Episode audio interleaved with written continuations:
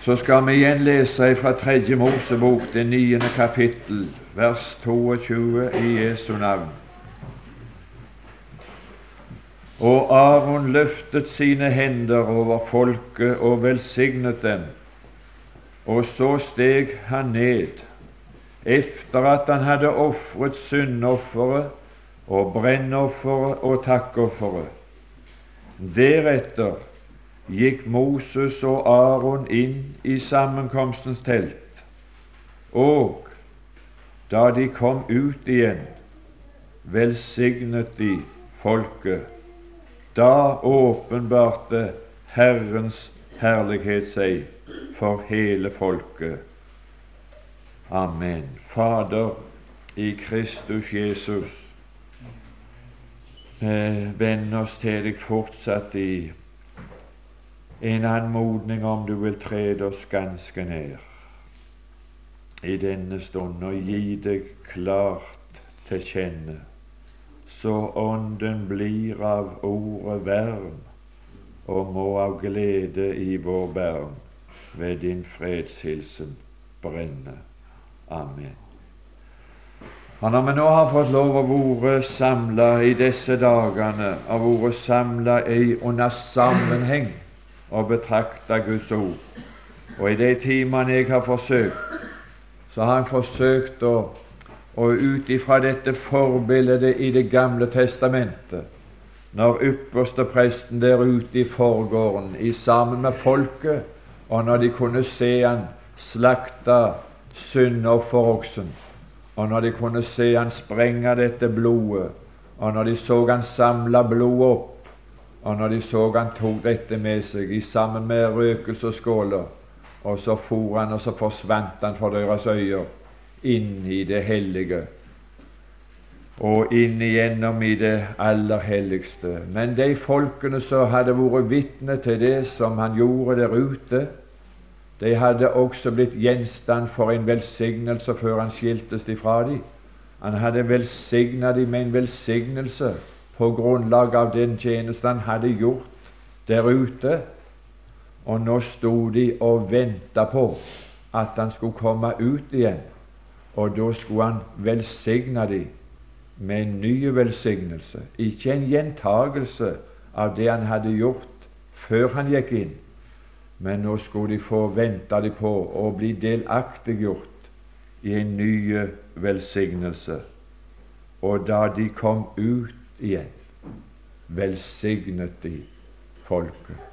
Før Jesus skiltes ifra sine her i denne verden, så var det det siste de så.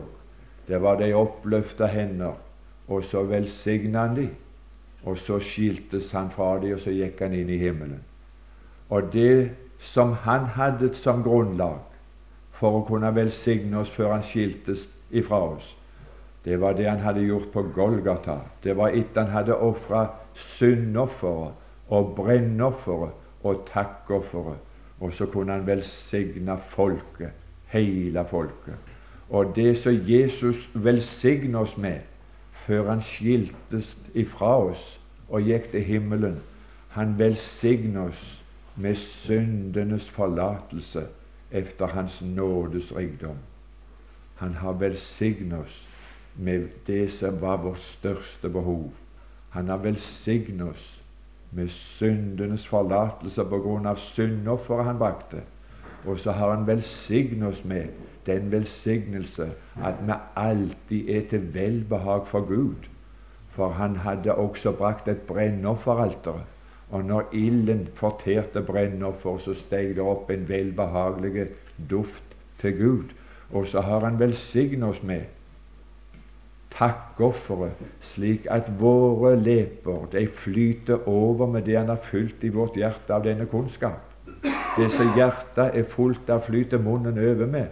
Og, og, og takkoffer, det er leper som lover Hans hellige navn. Og dette tekkes Gud. Det er en velsignelse vi har. Jeg er så takknemlig at før Jesus for til himmelen, så velsigner han oss med noe som er har her, slik at jeg alle dager vet at jeg har syndenes forlatelse, at jeg alle dager vet at ved troen på Kristus så har jeg så er jeg velbehag. Jeg er en Kristi vellukt for Gud.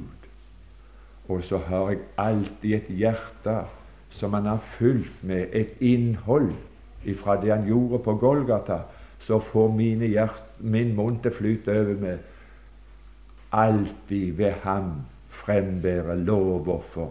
Det er leper som priser Hans hellige navn.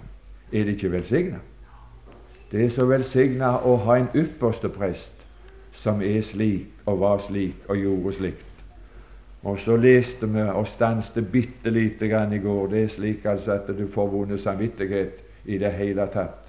Å ta fram slike dyrebare sannheter på et bibelkurs og ha en bibeltime om Kristi tjeneste der inne i helligdommen nå. Men nå var det ikke tid til mer. Og nå skulle vi ha den siste bibeltimen. Og den vil vi ha om da, da han kom ut igjen. Når han kom ut igjen. Å, men vi er interessert i Vi som er blitt velsigna av han før han gikk til himmelen, vi er interessert i å få oppleve når han kommer ut igjen.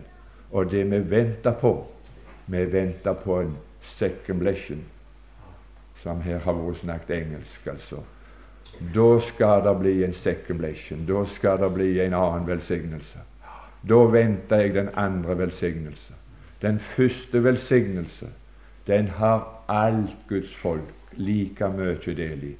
Alle Guds barn, alle som tror på Jesus, alle som har tatt imot Jesus, alle som Jesus er ypperste prest, er blitt velsigna med syndenes forlatelse. Alle som Jesus er ypperste prest, er velsigna med virkningen av brennoffer. Du er en Kristi vellukt for Gud. Om andre syns det lukter dårlig av deg, så er du en Kristi vellukt for Gud. Og om, og om du synes ikke at dine leper alltid er så velbehagelige for Gud til å takke når det er ved Ham, ved Ham så blir våre leper det vi sier det blir et takkoffer som er velbehagelig for Gud når det er ved Kristus. La oss da alltid ved Ham frembære lovoffer for Gud. Det er den velsignelse vi har. Vi kan ikke få mer, og vi kan ikke få mindre. Vi kan ikke få noen sekken eller noen annen velsignelse av den, for det er ikke mer. Han velsigner oss med alt av den der velsignelsen før han skilte seg fra oss. Han hadde ikke mer. Men det vi venter på, det er når han kommer tilbake, når han kommer ut ifra himmelen igjen. Da kommer han ut igjen. Da de kom ut igjen, velsignet de folk.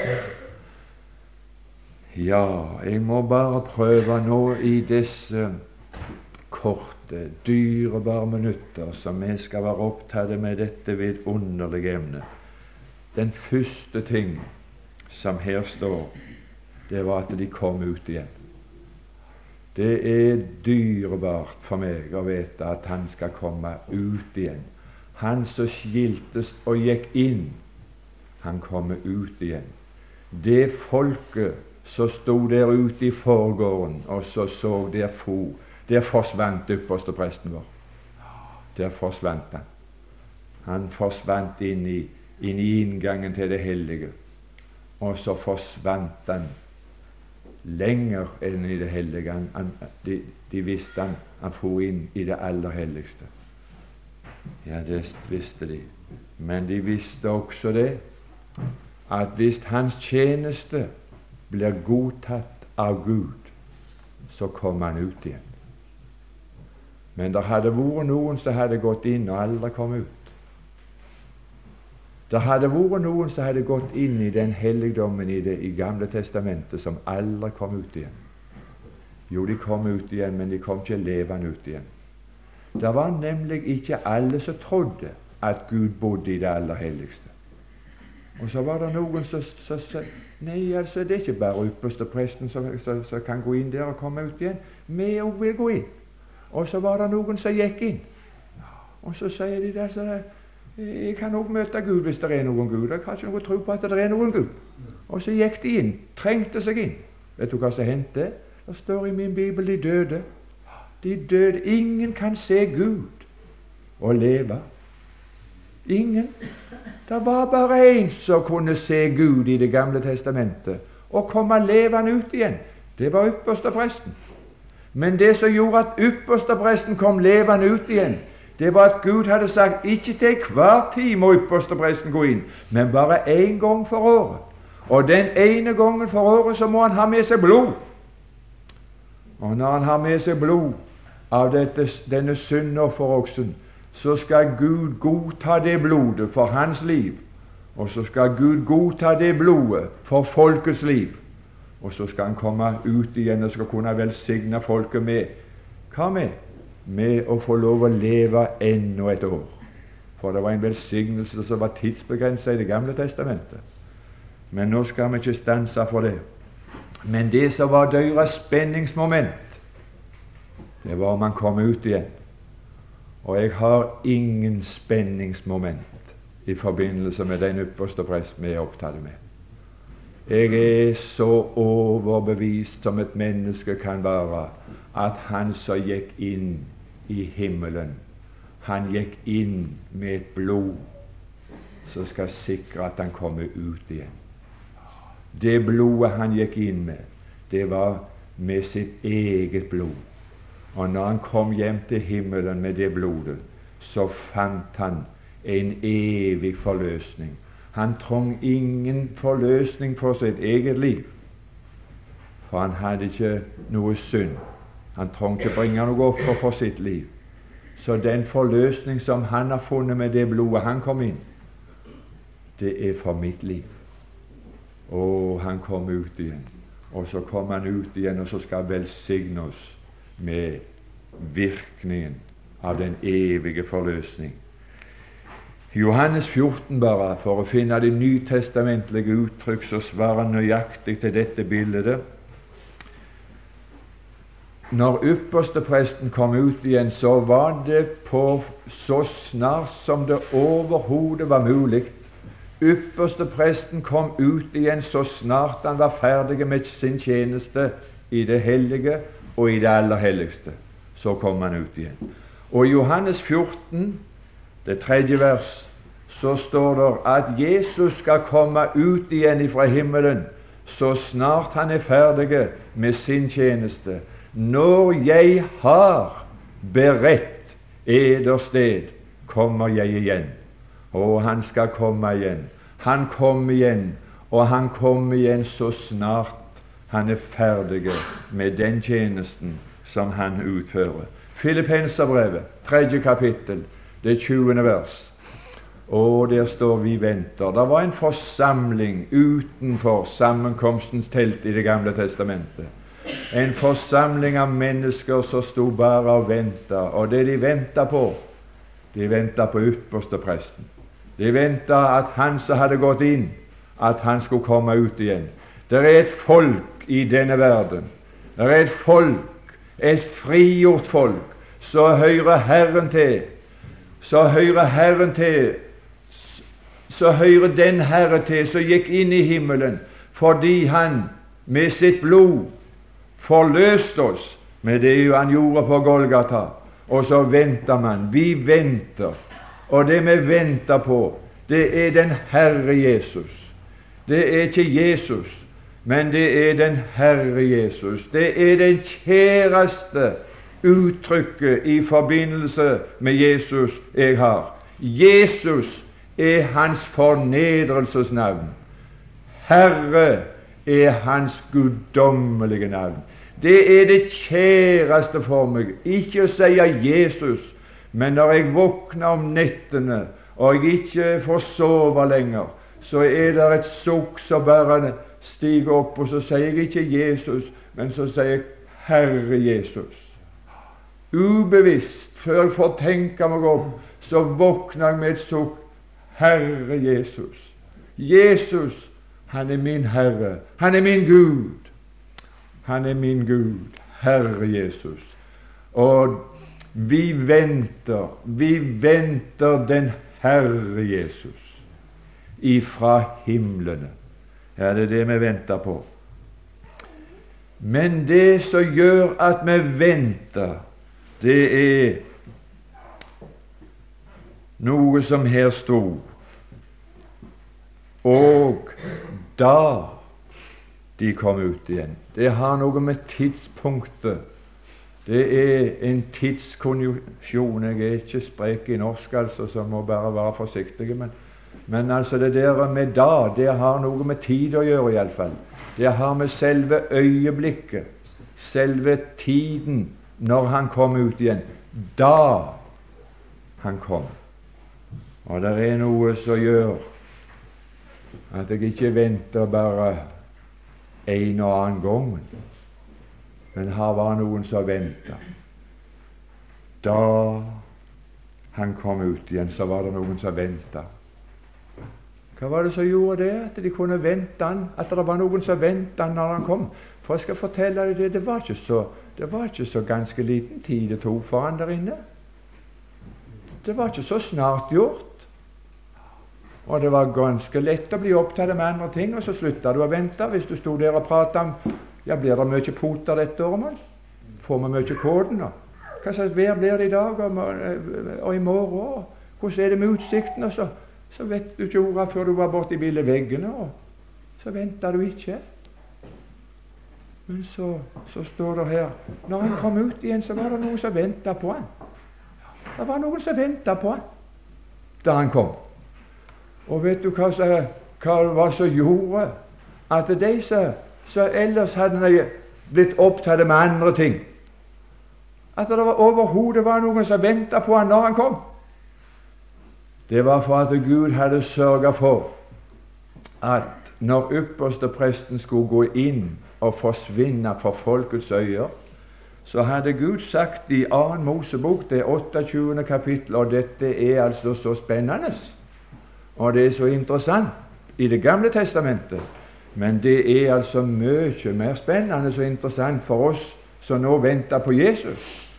For det er altså et forbilde på Kristus. Der står i 2. Mosebok, det 28. kapittel og det 33. vers, at når ypperste presten skulle gå inn i sammenkomstens telt, så fikk han ikke lov å gå inn der uten han var kledd på en bestemt måte.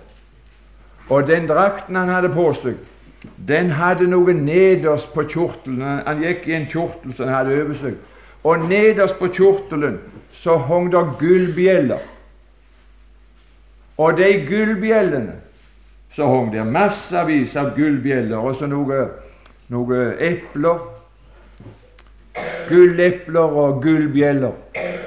Og det var slik at når, når, når ypperste presten gikk så ble det bjelleklang.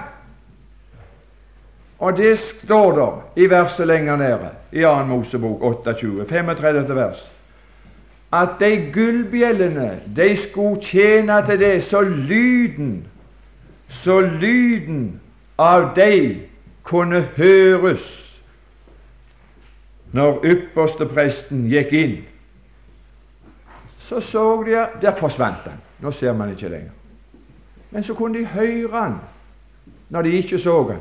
De kunne høre lyden av bjelleklang når han gikk igjennom det hellige. Og så kunne de høre lyden av bjelleklang når han gikk igjennom forhenget inn i det aller helligste. Og så ble det stilt. Så ble det bom stilt, for der ble han stående. Ypperste bleisten ble stående i det aller helligste, og der utførte han sin tjeneste i stillhet og i ro, og det var ingen bjelleklang.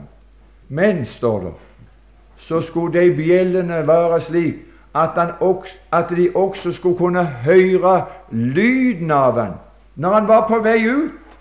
Så de skulle kunne høre lyden av han. Nå er han på vei ut! Før de så han. Så lyden av hans trinn når han begynte å vandre ifra, ifra det aller helligste på vei ut fortalte de nå kommer ypperstepresten! Nå kommer han snart! Å, oh, men det der budskapet Bjelleklangen! Det lagde en forventning hos alle. Nå kom han! Og jeg vil lytte, sang vi her. Jeg vil lytte etter lyden av hans trinn. Og hadde de det privilegiet i Det gamle testamentet at de hadde en ypperste prest, så de kunne høre lyden av hans trinn før han kom, så har vi som lever i dag, så hører Herren til, det samme privilegiet. Vi kan høre lyden av hans trinn. Han er på vei. Han er på vei. Han kommer snart. Han kommer snart. Det som jeg hadde lyst å være med og påkalle din oppmerksomhet, hva slags gullbjeller som ringer når Jesus er på vei. Å, for noen gullbjeller! Å, men jeg kan høre noe vidunderlige bjelleklang som forteller meg om min Herre og min Frelser, min ypperste prest. Han viser seg snart, og så blir jeg delaktig i en velsignelse som en har venta lenge for å gi sitt folk. Jeg vil påkalle oppmerksomheten for to forskjellige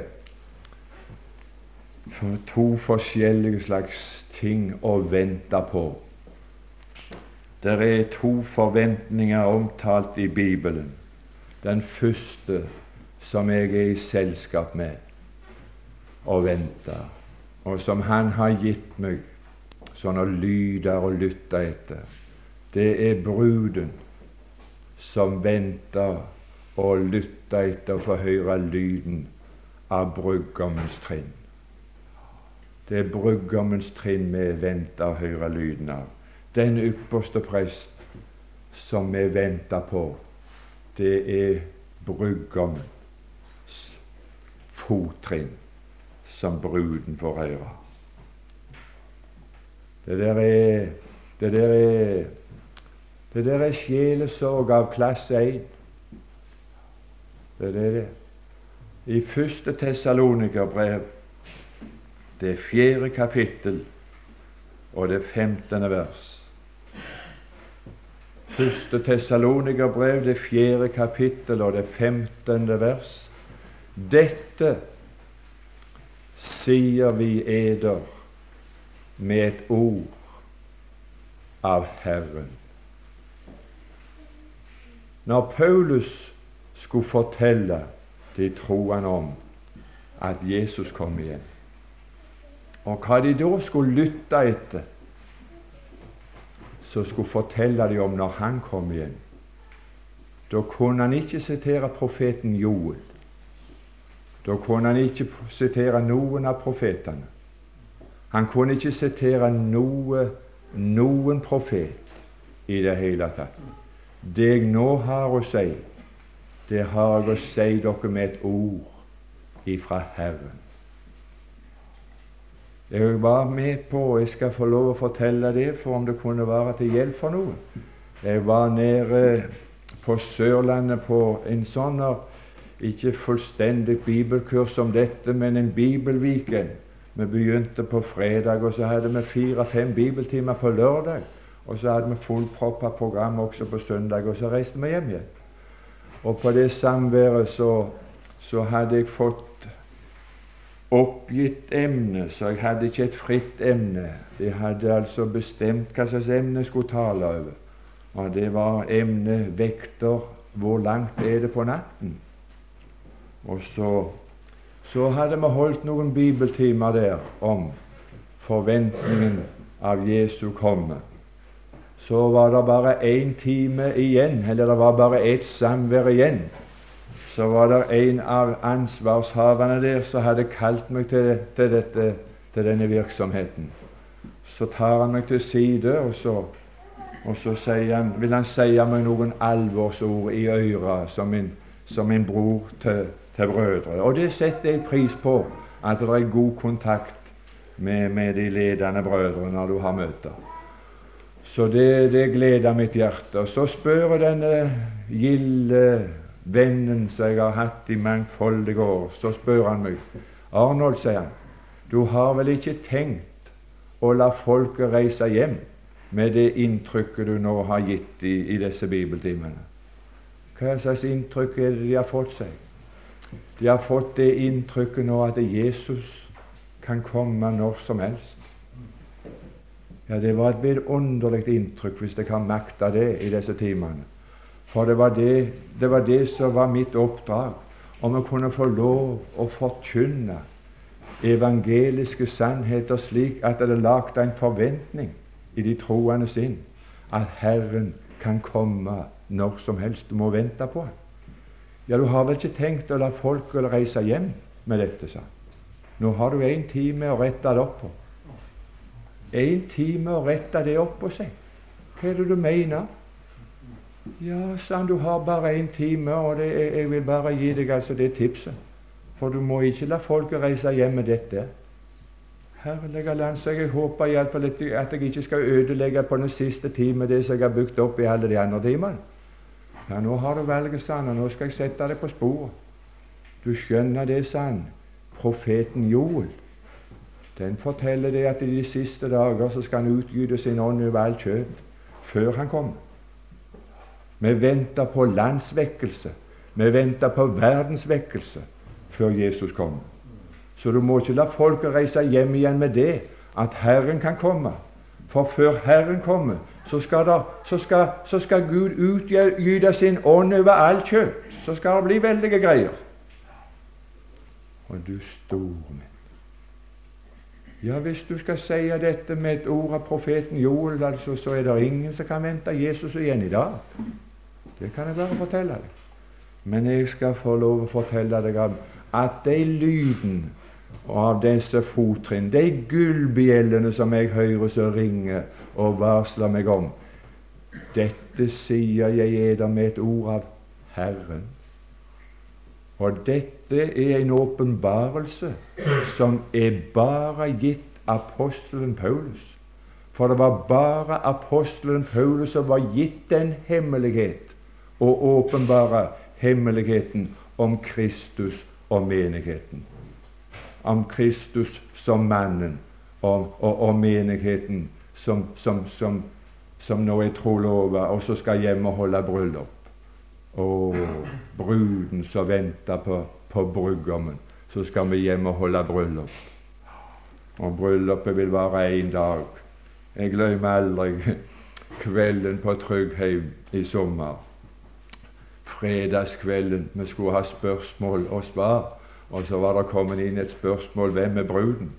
Og så hadde vi denne gamle høvdingen Hjalmar Berg-Hansen som skulle svare på dette spørsmålet hvem bruden er. Og så sa han det er alle de troende fra pinsedag og inn til bortrykkelsen. Alle som blir frelst ifra pinsedag og til bortrykkelsen, det er bruden. Og når bortrykkelsens dag kommer, så er det for å holde bryllup. Og bryllup, det er bare én dag der er brud og brudgom. Selv om de har bryllup i sju dager, så er det bare én dag at det heter brud og brudgom. For dagen etterpå, da er de mann og hustru. Det er bare én dag der er brud og brudgom. Og i tusenårsriket så vil det være bryllup hele, for én dag er som tusen år. Og når tusenårsriket er slutt, han, så er bryllupet slutt. Og så er den dagen slutt, og så, så står det ved slutten av Johannes' åpenbaring Nå står det 'Skal ikke vise deg bruden, kom, så skal jeg vise deg lammets hustru'. Etter bryllupet så er de blitt hustru. Er det ikke vidunderlig? Å, vi venter. Vi venter brudgommen. Dette sier jeg eder med et ord av Herren. Og dette ordet som han sier med et ord av Herren, det er at Herren selv skal komme ned, ut ifra himmelen. Hvor langt kom han? For bruden. Han kommer så langt som Isak gikk for å møte Rebekka. Begge gikk et stykke på vei. Isak gikk ut på marken, og den tjeneren kom med Rebekka, og så møttes de der ute på marka. Å, den Herre Jesus skal stige ned fra himmelen til luften. Og så skal Den hellige ånd føre alle de troende, i rykke de i skyer, opp i luften, og så møte med Herren der i luften. Det blir litt av et friluftsmøte å møte Herren i luften. Men da skal vi hjem og holde bryllup. Det er det vi skal. Dette sier jeg med et ord ifra Herren. Skal få høre litt av, av lydene av, den, av de trinnene av den brudgommen det står i første Korintiabrev, det 15. kapittel, og i det 51. vers du må, du må, Da må du lytte godt etter, altså, for å høre de gullbjellene. Å, for en forventning! I første Korintiabrev 15, 51 Se, jeg forkynner eder en hemmelighet og når hemmeligheten er fortalt, så er det ikke noen hemmelighet lenger. Du kan skjønne jeg kan ha en hemmelighet. Hvis jeg hadde fortalt denne hemmeligheten, så er det ingen hemmelighet lenger. Se, jeg forkynner eder en hemmelighet. Vi skal ikke alle hensove. Vi skal ikke alle oppleve å gå dødens vei. Men det vi skal alle oppleve. Men vi skal alle forvandles i et nu. Det er gullbjeller, det. Og i et nu Det går fort for seg. I et øyeblikk så fort kommer det til å gå for seg. Å, jeg skal slippe å lytte etter noe tegn og tydninger og, og, og Nei, han kommer. Du vet, altså Brudgommen, når han kommer, så kommer han springende. Han kommer springende ut. Det går så fort for oss. I et nu! I et øyeblikk! Så er han der. Så er han der. Før dette møtet er slutt, så kan han være her. Det er ingenting i veien for. I et nu, plutselig, uten forvarsel, uten at det er noe som varsler han, så er han der. Derfor må jeg vente han alltid. Å, bruden venter på brudgommen. Jeg venter. Jeg venter han ved morgen. Jeg venter han ved kveld. Jeg venter han til, til hver tid, uten noe forvarsel. Johannes' åpenbaring. Vi skal borti den litt til. I det 22. kapittel og det 20. vers. Å, sa han. Ja, sa han. Å, kan skjønne brudgommen sier ja. Det er jo det han, det jo det han skal. Han lærer seg opp til å si ja på veien ut. Så sier han ja. Det er jo det de skal si når de skal holde bryllup. Når de skal vies, så skal brudgommen si ja, og så skal bruden si ja. Men de har jo sagt ja før. Det er ingen som sier ja til en annen for første gang når de står for, for alteret. Har de ikke sagt ja til hverandre før, så, så kommer de ikke til alteret. Nei, Brudgommen har sagt ja, og den som er trolova, har sagt ja. Og så sier han ja, jeg kommer snart. Ja, så venter, så venter den trollovede på det. Så venter, så venter hun som skal bli brud, på det. Ja, hun har sagt ja. Og, og han som sa ja Ja, jeg tror på han. Han kommer snart. Jeg tror på hans trofasthet. Han er trofast. Å, men for en, for en trofasthet! Han ga meg et ja, og så kom han. Og så kom han. Ja, jeg kommer. Og når jeg kommer, så er det ikke bare det at det skal komme så snart som mulig, men når jeg kommer, så kommer jeg plutselig, så kommer jeg hurtig. Jeg kommer så snart. Jeg kommer så Så er han der. Alt det er vidunderlig. Å, jeg skal slippe å ha noen slags forberedelser i det øyeblikket. Når jeg kommer Arnold, så kommer jeg. Jeg kommer snart. Ville du, bedre, ville du likt det bedre altså at eh, hvis du var forlovet, så ville du altså foretrakt altså at din forlovede, når han skulle komme for å holde bryllup, så, så, så sendte han brev på forhånd slik at, du, at, at, han ikke skulle finne deg opptatt med noe troløshet og noe dritt Vil du foretrekke det? Du ville ikke like at han kom sånt overraskende. Han kunne finne deg i noe, noe utroskap. Nei, han kom. Han kom overraskende. Han kom overraskende. Det er ingen som skal berede seg til et møte når han kommer. De er beredt. Han kommer for de som er beredt. Han kommer for de som er glad i ham. Han kommer for de som i sitt hjerte frivillig har sagt ja, og være din Jesus. Din i tid og din i evighet.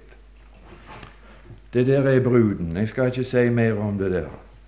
Men eh, det er en annen som er en etterligning. Det er ikke bare Kristus som har en sånn brud i denne verden.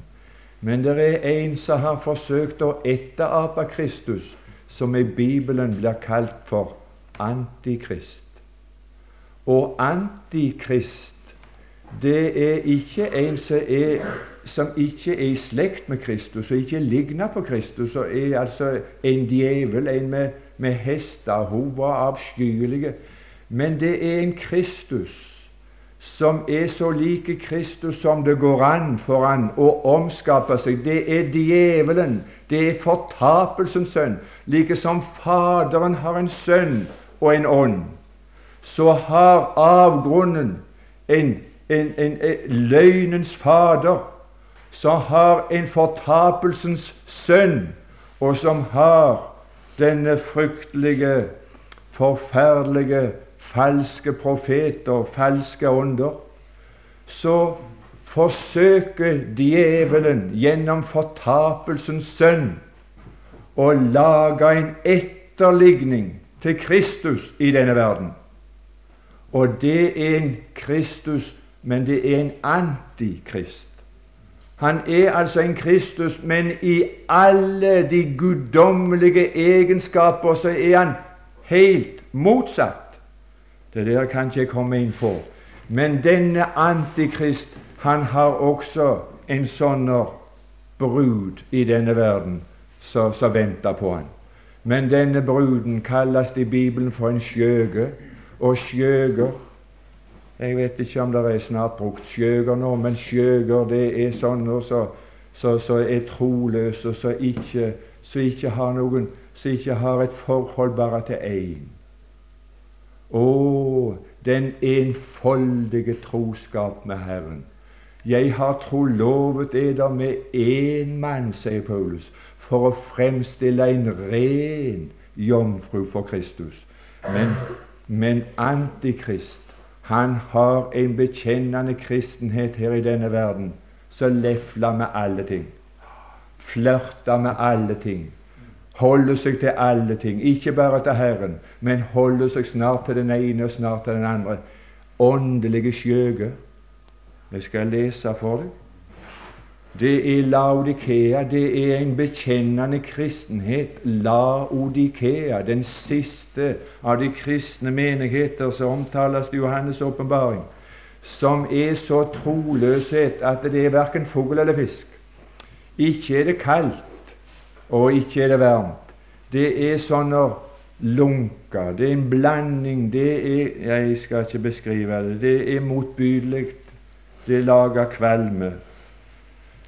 Babylon, Johannes' åpenbaring, det 17. kapittel og det første vers. Den store skjøge som sitter over de store vann. Babylon, den store mor til skjøgene og til styggheten på jorden. Vers 15 i Johannes' åpenbaring 17. De vann som du så denne skjøgen sitte over, de vann du så hvor skjøgen sitter, det er folk, det er skarer, det er tunger og du gru i denne verden. For en kristenhet som ligner på en skjøge, og som slettes ikke venter på, på Kristus, men som venter på en Kristus som er stikk mot Kristus, antikrist. Det der der, det, det, det skal jeg bare gå forbi. Jeg skal bare gå forbi. bi. Men jeg lytta til gullbjeller. Og nå skal du få høre hva resultatet er av når han kom ut. Å, men det er resultat for alt. Alle de som er trolova, alle de som ikke er en åndelig skjøge, alle de som ikke lever i et åndelig horeri i denne verden. Kristus, han er forena med noen som har sagt ja til Herren, og som beholder en enfoldig troskap imot Herren. Det er alvorlig. Det er kolossalt alvorlig i denne tid. Men de som er trolova med den Herre Jesus, og ikke flørter med noen andre, men å, Jesus den eneste. Jesus den herligste. Jesus. Å, det er bare Jesus. Det er Golgatas Jesus. Det er Han som skiltes ifra oss i denne verden med en velsignelse. En velsignelse som har fridd meg ifra mine synder med det blod han utgjød, og som har gjort meg til en velbehagelig duft i Guds øyne, og som har fylt mitt hjerte med noe som får min munn til å flyte over med en lovprisning til Gud. Takk, takk at også jeg fikk være med når de kom ut igjen. Når, når, når han kom ut igjen, så velsigna han folket. Og det vi venter på Å, nå har jeg lyst til å lese bare noen dyrebart. Dette er det som bruden har i vente, men skjøgen kommer til å oppleve det de venter på. Men bruden kommer til å oppleve dette som jeg kommer til å lese nå. Filippenserbrevet, det tredje kapittel og det tjuende vers. Vårt rike, det er i himlene, og derfra venter vi òg den Herre Jesus. Og vi venter Han ikke bare, men vi venter Han som frelser. Og vi venter Han i karakter av en som skal velsigne oss. En frelser kom i den karakter. Han skal velsigne oss med en frelse. Ja, men er du ikke frelst da, Arne? Venter du å bli frelst når Jesus kommer? Han skal åpenbare seg. Vi venter han som frelser. Ja, når jeg sier jeg er frelst, da burde jeg alltid, så sant det var tid til å forklare det nærmere. Jeg er frelst uten forbehold i den betydningen av ordet som Jesus sa til kvinnen i Lukas 7. Gå bort, din tro har frelst deg. Og det den kvinnen trodde, det var det som Jesus hadde sagt til henne. Dine, hennes mange synder er henne forlatt. I den betydning er jeg frelst uten begrensning. Jeg er frelst fordi jeg har syndenes forlatelse. Og syndenes forlatelse har frelst meg i den betydning at jeg skal slippe å dømmes for min synd. Jeg skal slippe å straffes for min synd. Men jeg ble ikke bedre frelst den dagen jeg kom til troen på syndenes forlatelse, enn at jeg hver dag siden har hatt bruk for å bli frelst. Ordet om korset er vel en dårskap for de som går fortapt, men for oss ikke som ble frelst, men for oss som blir frelst. Jeg har ifra den første dagen av hatt behov for å bli frelst. Og den frelse er ikke fra syndens straff, for det fikk jeg første dagen. Men den frelse som er daglige, det er å bli frelst ifra syndens herredømme at den synden som fremdeles bor i meg, ikke får beherske mitt liv og mitt levnet og oppførsel. Og det har jeg Han å takke for. Jeg blir frelst ved Hans liv etter at jeg er blitt forlikt. Og der har jeg behov for å vokse i frelse. Å vokse i dette å bli frelst ifra at noe av synden skulle få herske i mitt liv. At han får dempe det ned med sin Hellige Ånd. Men frelsen, står det i Romerbrevet 13, den er oss nærmere nå enn den gang vi kom til troen. Og det er den velsignelse som skal bli meg til del når Jesus kommer ut igjen. Og det er ikke en frelse ifra straff. Det er ikke en frelse ifra syndens herredømme, men det er en frelse ifra syndens nærvær. Jeg skal bli fri synd. Jeg skal bli uten synd. Da skal jeg leve uten synd i evighet. Han skal velsigne meg med og frelse meg i fra syndens nærvær. Tenk når vi en gang skal leve uten muligheten av en syndig lyst. Det er den velsignelsen som blir oss til del den dagen. Og ikke bare den, men i første Tessalonika-brev, det første kapittel og det tiende vers, så står det at vi venter på Han som skal fri oss ifra den kommende vrede. Det er en vrede som er kommende over denne verden. Det er noe som heter ikke en, ikke en store trengsel, men den store trengsel. Og en trengsel som det aldri har vært før i, fra verdens skapelse av, og som det heller aldri skal bli etterpå når han, når han kommer. Men den skal han fri oss ifra. Han som frir oss ifra den kommende vrede. Å, jeg venter. Det er gullbjeller som forteller meg om at brudgommen kommer og henter sin brud hjem før, før uværet bryter løs. Så står det han skal forvandle han skal forvandle vårt fornedrelseslegeme. Å, det er den velsignelse som skal bli oss til del. En forvandling som skal foregå med mitt legeme. Å, så jeg synger med Mathias Orem. Å, var jeg mer det Jesus lik. Ikke bare, ikke bare innvortes, men i alt. Å, om jeg hadde vært et vellukka menneske.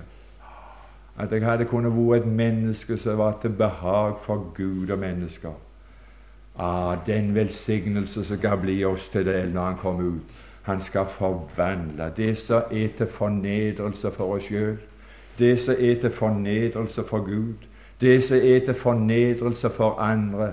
Han skal forvandle mitt og vårt fornedrelseslegeme. Og så skal han gjøre det likt med hans herlighetslegeme. Og for en velsignelse! Så skal bli oss til det når Han kommer ut igjen. For en velsignelse. Og de døde, ikke alle døde. Jeg venter ikke på en oppstandelse på den ytterste dag av alle døde på en gang.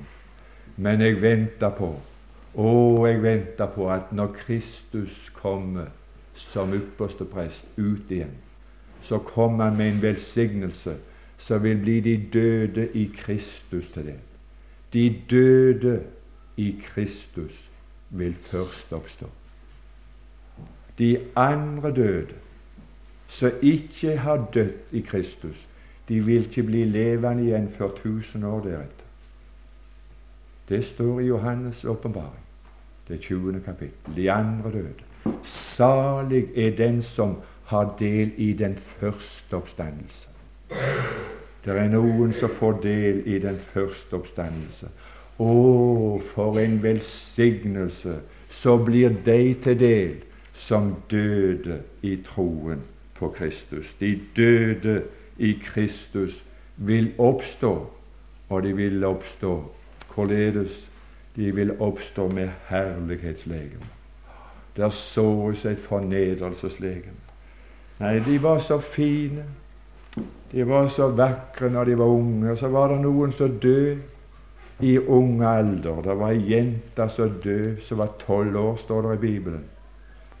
Og når, når, når, når Jesus kom inn, så, så du vet, Når ei unge jente på tolv år er død, så kan du mest ikke se forskjell på om hun er død eller hun bare sover. Like rød i kinnet, like vakker. Det er noen som er vakre og pene og nydelige når de dør. Der er det. Jeg glemmer aldri har vi opplevd at gutten til, til bror til kona mi han sprang ned mot sjøen. En, en, en, en sånn liten ja, Vi kaller det for jeg vet ikke hva jeg skal kalle det for, men vi kaller det for en liten engel. Var, han var så sjelden fin, den gutten. Altså fint hår og krøller.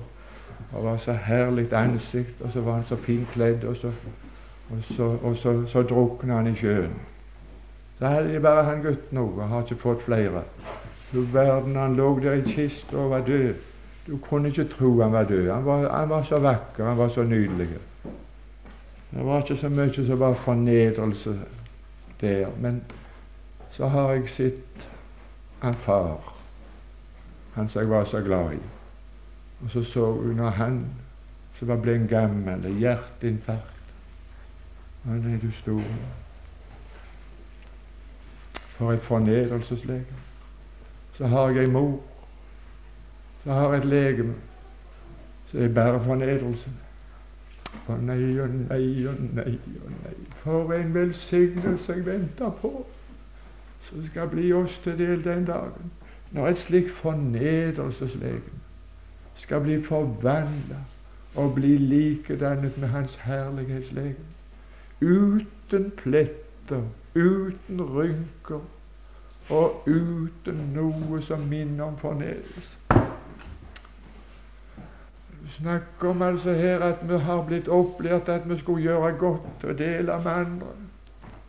Men kunne vi ikke vinne sjeler for himmelen med noe annet, så måtte vi kunne vinne dem med dette vidunderlige, lokkende budskap om evangeliet, den velsignelse som skal bli deg til del, så hører Kristus til. Som de ikke går glipp av om de går i grava. De døde i Kristus skal først oppstå. Men han skal velsigne oss med langt mer enn det. Han da er med ham lik, og så rykkes vi i skyer opp i luften.